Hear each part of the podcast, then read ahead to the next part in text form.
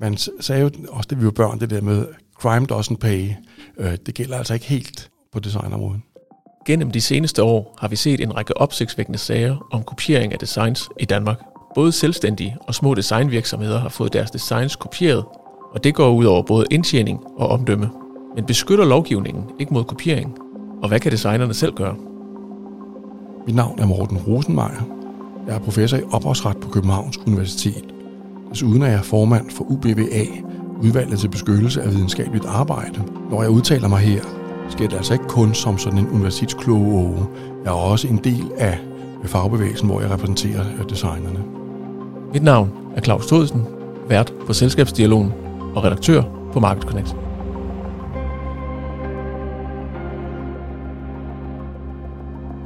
Morten, velkommen til. Mange tak. Og vi ser flere og flere sager om øh, kopiering af designs, kopiering af forskellige varer, i hvert fald i offentligheden. Altså hvorfor ser vi den her stigning i de her år? Måske er det, vi ser en stigning i øh, massemediernes interesse for sagerne, men der har faktisk altid været rigtig mange sager om krænkelser af rettigheder til, øh, til design. Dengang jeg selv var ung, skrev jeg en phd-afhandling om, hvad der kunne beskyttes øh, ophavsretligt. Og øh, da man sad og studerede øh, ugeskrift for retsvæsen der, ikke, så kunne man måske finde to dommer afsagt i hele 1900-tallet om, om, hvordan man beskytter litteratur, ikke? og en dom om musik, og 456 domme om design. Øh, det har altid været sådan, så for hver gang der var en sag om krænkelse af litteratur, var der 100 sager om krænkelser af, af design. Grunden er, at øh, når det handler om litteratur og musik og billedkunst og sådan noget, så har den, der skaber det beskyttede stof, en meget udstrakt grad af valgfrihed. Det vil sige, at der er en stor sandsynlighed for, at den pågældende skaber noget unikt. Men hvis du siger til tre designere, at de skal skabe en kasserolle hver, kan du være ret sikker på, at du får tre kasseroller ind, der ligner hinanden meget. Ikke? Og det er fordi, når det handler om design, så skal de der øh, designs, der handler om, ikke alene se ud på en bestemt måde for at være flotte og opfylde sådan æstetiske øh, krav og sådan noget. De skal også leve op til et praktisk formål, hvilket indskrænker den måde, de kan se ud på. Og her er vi fremme med noget af, eller faktisk ved årsagen til, at der er så mange designkrænkelser. Der er simpelthen en mindre valgfrihed, et mindre spillerum, når det handler om design, end når det handler om litteratur.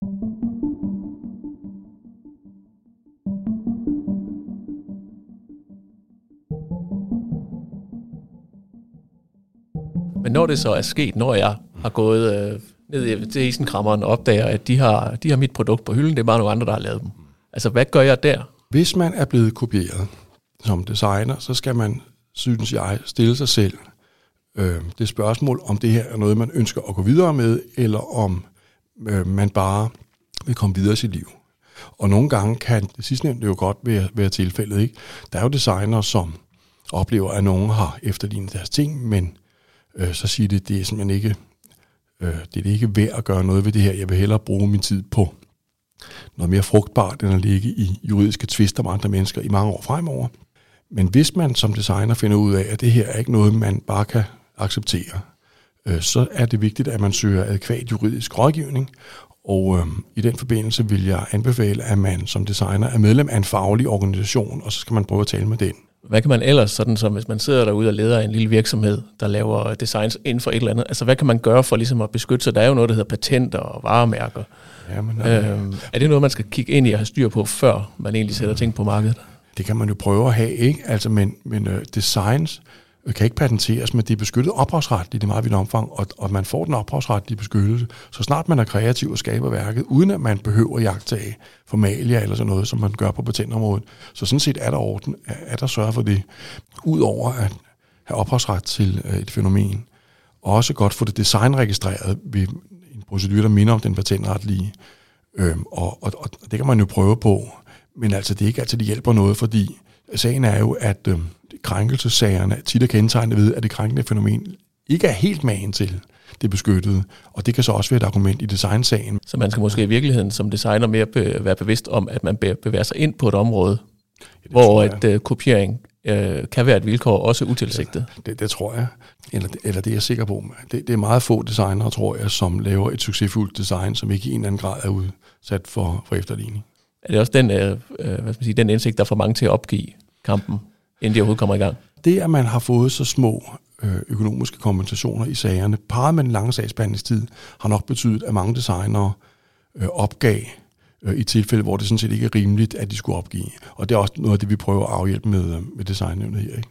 Fordi der kan jo være ret store konsekvenser ved at blive, øh, ved at blive kopieret. En ting er, at den retssag, man eventuelt kaster sig ud i, kan være lang og omkostningsfuld. Jeg har også en rapport fra OECD, der siger, at små virksomheder har 34% mindre sandsynlighed for at leve efter fem år, ja, ja. hvis de har fået krænket deres, øh, deres ophavsrettigheder. Mm. Altså, hvorfor er det så skadeligt, i visse tilfælde i hvert fald? Det kan jo være skadeligt, at nogen kopierer ens produkter, fordi de dermed tager ens marked. Og herudover kan der også ligge noget skadeligt i, at øhm, visse produkt efterligningssager ikke alene øh, tager ens øh, marked, når øh, forbrugerne køber de krænkende produkter i stedet for de beskyttede, men også er sådan mere almindeligt ødelæggende for ens brand, eller sådan, hvad skal man sige, den goodwill, der knytter sig til ens øh, virksomhed. Det, de sådan positive forestillinger, publikum går og, og gør, gør sig om det, ikke? det. Det var et issue, der blandt andet øh, var meget fremme på bordet i den Anne Black-sag, der øh, jo for nylig blev afgjort i højesteret. Her mente den danske keramiker Anne Blak, at Netto, som øh, for nogle år tilbage havde solgt krænkende efterligninger af nogle af hendes keramiske designs og afbildet dem i land som i sådan øh, hvad hedder det, supermarkedskataloger, ikke alene havde skadet hendes salg af de keramiske produkter, men også øh, skadet hendes mere almindelige brand, fordi det jo før krænkelsen var sådan, så folk oplevede hendes varemærke som eksklusivt og fint, og når man godt vil give mange penge for, men så bliver det nu, som følge af krænkelsen, til noget, som folk forbinder med supermarkeder og lever på steg og edamamebønder på tilbud. Øh, det, det er der, det skaden øh, øh, ligger. Ikke? Man vil med en juridisk lingo sige, at man som krænket designer både kan lide et afsætningstab og øh, en markedsforstyrrelse. Ikke? Så det kan nedbringe hele min forståelse af en eller anden designers øh, værdi, at jeg pludselig kan se det på øh, til spotpris i mit øh, lokale supermarked. Ja, ja, det kan det jo i en eller anden udstrækning. Ikke? Det er selvfølgelig samtidig vigtigt at forstå, at, at der ikke nødvendigvis er noget en-til-en forhold mellem de her ting. Det er ikke sådan, at hvis nogen sælger en krænkende øh, vare, så sælger designeren en krænkende vare mindre. Det, det kan tit ske, at der ikke sådan er sådan fuld substituerbarhed mellem produkterne, og nogle gange kan det jo for eksempel være, at nogen, der gerne vil give 30 kroner for noget, som er til salg som spotvare i Netto, ikke ville have givet 300 kroner for det samme i kopperkane. I 2009 slog en højeste retsdom fast, at butikskæden Tiger havde krænket modehuset Burberry's Designs. Burberry fik dog kun en erstatning på 100.000 kroner, da retten vurderede, at de forbrugere, der købte det kopierede produkt, ikke ville have købt originalen, og at tabet for Burberry derfor var minimalt. Dommen har siden fået stor betydning for, hvordan erstatninger udmåles i Danmark. Men det er jo netop noget af det, der er interessant. Altså, der er jo tit kritik netop af de øh, straffe, de sanktioner, der kommer. Ja. Hvis jeg får kopieret mit, øh, mit design, så kan det være, at jeg sælger 300 mindre, men derfor kan den koncern, hvis vi siger, at der er en, der gør det, jo godt sælge 30.000. Altså det er sådan, at hvis man som designer øh, oplever, at nogen har krænket ens designs, og hvis man vinder sagen, øh, så kan retten idømme modparten nogle økonomiske sanktioner. Og de økonomiske sanktioner falder i forskellige kategorier. For det første kan man få Øh, et rimeligt vederlag. Det er et beløb, som skal svare til det, som designeren med rimelighed kunne have bedt om, hvis man havde spurgt ham eller hende om lov. En videre kan man få erstatning for afsætningstab, øh, i det omfang øh, tabet ikke allerede er dækket af vederlaget. Afsætningstab er det der med, at man sælger færre varer. Herudover kan man få erstatning for øh, markedsforstyrrelse, altså for ødelæggelse af brand, og så kan man også få erstattet sine advokatomkostninger, det hedder interne tab, og endelig kan man i en vis udstrækning også få godtgørelse for ikke-økonomisk skade. Og, og man kunne jo sådan administrere de her sanktioner mere eller mindre skrabt. Ikke? Viderlaget beregnes i meget vidt omfang ud fra krænkernes priser, og de er typisk meget lavere end de en rettighedshavernes priser. Og når det så kommer til erstatningsudmålingen, tror domstolen i vidt omfang ikke på, at dem, der købte det krænkende stof, ville have købt det beskyttede stof, hvis, ikke de, hvis de havde haft muligheden. Og så ender man med de der sager, hvor man får en lille brøkdel som rettighedshaver af det, man mener, man har, har krav på. Ikke? Men det gør vel også, at det i højere grad netop bliver en god forretning, at, øh, at kopiere andre. Ja, det må, det må man jo sige, det gør. Det, det er der næppe tvivl om. Og, og, der er, og der er også det ved det, at øh, nogle gange, så kan man, som du nævnte før, godt tjene store beløb, hvis man krænker andres designrettigheder. Hvad hedder det? For eksempel, hvis man i supermarkedet sælger øh, kopier af nogle beskyttede designs, man kan her tjene penge, ikke alene når brugerne kommer ind og køber de der varer, det handler om, men også på alt den ekstra lever på steg og sådan noget, man sælger i de uger, hvor spot-tilbuddet lokker kunderne ind. Øh, og som det er nu, så får krænkerne i meget vidt omfang lov til at stikke den fortjeneste i lommen. Det sidder meget, meget fast i domstolen, det der med, at man altid kun kan få dækket tabet. Og tabet, som man lider som rettighedshaver, er jo noget andet end fortjenesten, som krænkeren har. Ikke? Er, er det rimeligt, det her? Det kan man overveje. Øh, designerne oplever det i hvert fald som, som meget urimeligt. En række højt profilerede sager har skabt stor interesse for ulovlige kopivarer de seneste år. Især sagen mellem designeren Kasper Wirtz og den kendte sundhedsekspert Christian Bitz fik offentlighedens opmærksomhed. Christian Bitz blev ved flere instanser dømt for at have krænket Kasper Wirtz Designs. Jeg talte på et tidspunkt med chefjuristen fra SMB Danmark, der sagde, at netop i sager med kopiering, hvor det er de store koncerner, mm. der, der går ind, sagde han af citat, at de arbejder med en kalkuleret risiko om, at det kan kaste et sagsanlæg af sig, som de sagtens øh, kan, kan ende med at tabe. Men de har jo alligevel tjent så gode penge på det, at øh, deres erstatning ikke øh, spiller noget ind i den rolle. Som det er nu, så kan det øh, i vidt omfang øh, betale sig at krænke andres øh, designrettigheder.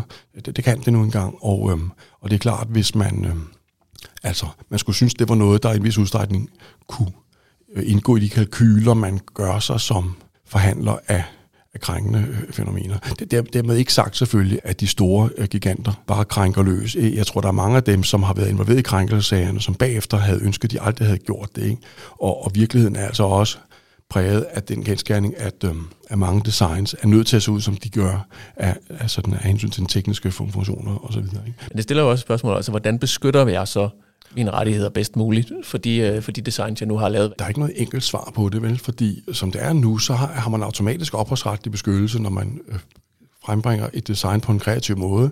Og, det, og der skal ikke ret meget til, før man gør det. Så i virkeligheden så er det sådan, så langt, langt de fleste af de designs, som frembringes fra grunden af, at danske designere er juridisk beskyttet af ophavsret i 70 år efter ophavspersonernes dødsår. De kan sådan set ikke rigtig gøre mere designerne, og som designer øh, bør man nok også indrette sig på, at, øhm, at hvis man har et succesfuldt design, så er det sandsynligt, at det vil blive efterlignet i en eller anden udstrækning.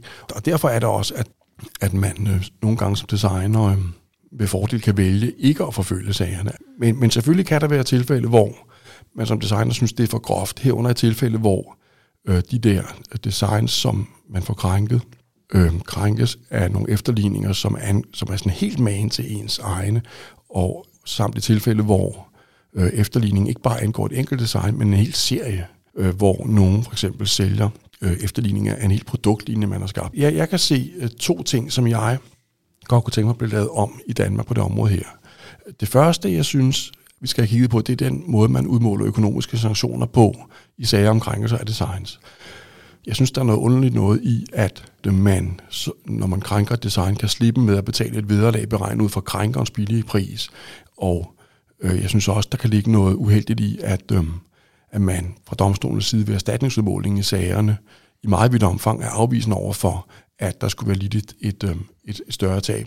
I Sverige derimod har de noget, de kalder Svensk Forms Opinionsnævn. Det er et sagkyndigt nævn, som øh, afgiver udtalelser i sager om krænkelser af design, Øh, og de udtalelser har en sådan autoritet, så øh, man normalt ikke vil bruge tid og penge på at indbringe sagerne fra domstolene, når først Svensk Forms Opinionsnævn har talt. Øh, hvorfor skulle man det? Domstolene vil jo i meget vidt omfang bare lægge til grund, at det er som sagt af Opinionsnævnet, og så kan man lige så godt bare slutte sagen her. En undersøgelse fra Patent- og Varemærkestyrelsen viser, at kun 12 procent af danske SMV'er bruger rettigheder som patenter, varemærker og design man kan sige, mange af de her virksomheder, der, det er jo relativt små virksomheder, der bliver kopieret ofte. Mm. Det er en lille designer, der har lavet et eller andet. Altså, kan det ikke også være meget afskrækkende for dem, hvis de kan se, okay, det her to x antal år for Anne Black jo. eller for øh, Kasper Wirtz, jo, det overgår jeg simpelthen ikke. Jeg, øh, jeg kaster håndklædet i ringen, inden vi overhovedet går i gang. Jo, det kan det ganske givet, og, og derfor er det også, at vi nu håber, at vi, øh, nu hvor vi har fået designnævnet, øh, kan gøre det lidt lettere for designerne at øh, håndhæve deres øh, rettigheder. Det koster 25.000 at få en sag ind for designnævnet, og der er nogle af de organisationer, der står bag, der har øh, særlige ordninger, sådan så medlemmer øh, kan få tingene øh, billigere osv. Ikke? Altså, jeg håber, at vi i fremtiden kan få en tilstand, hvor designere, der har fået deres rettigheder krænket, øh, kan gå til deres faglige organisation, og så skynder den, at der er sket en krænkelse, og så bliver man hjulpet igennem designnævnet, og så kan, og så kan øh, og så kan tingene gå lidt, lidt, øh, lidt hurtigt og lidt, og lidt billigere, end, end det plejer. Noget andet er så det med erstatningernes øh, størrelse. Det, det er ikke noget, vi bare kan klare i designnævnet, fordi øh, designnævnet skal afgøre sagerne i henhold til gældende ret. Så når det handler om at få erstatningerne op, er vi nødt til at i gang sætte en, en politisk lobbyindsats.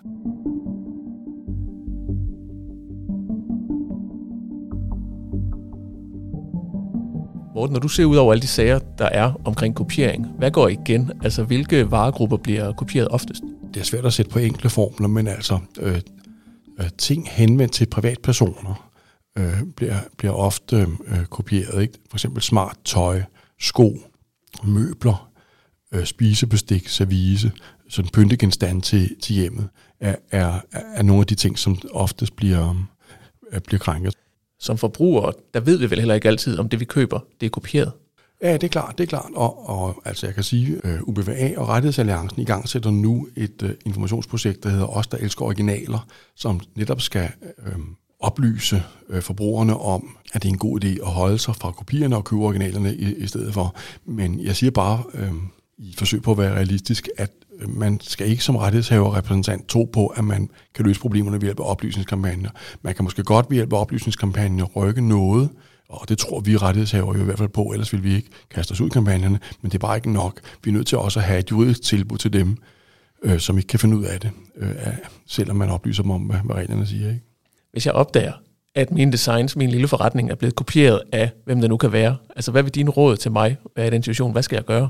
Det for at være fagligt organiseret og gøre brug af organisationens medlemstilbud. Hvis man står alene som designer, når nogen har krænket en, kan man jo blive fyldt af en, en helt forståelig magtesløshedsfølelse. Øh, ikke?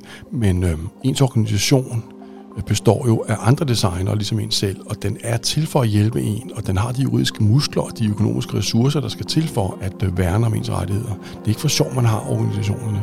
Nej, så det er virkelig mit, mit bedste råd. Morten, tak fordi du kom. Tak fordi jeg måtte komme. Du har lyttet til Selskabsdialogen, en podcast af Market Connect. Dette afsnit er sat sammen af Rikke Ruby, og mit navn er Claus Thudsen. Dette var det sidste afsnit af Selskabsdialogen i denne sæson. Vi vender tilbage til efteråret. God sommer.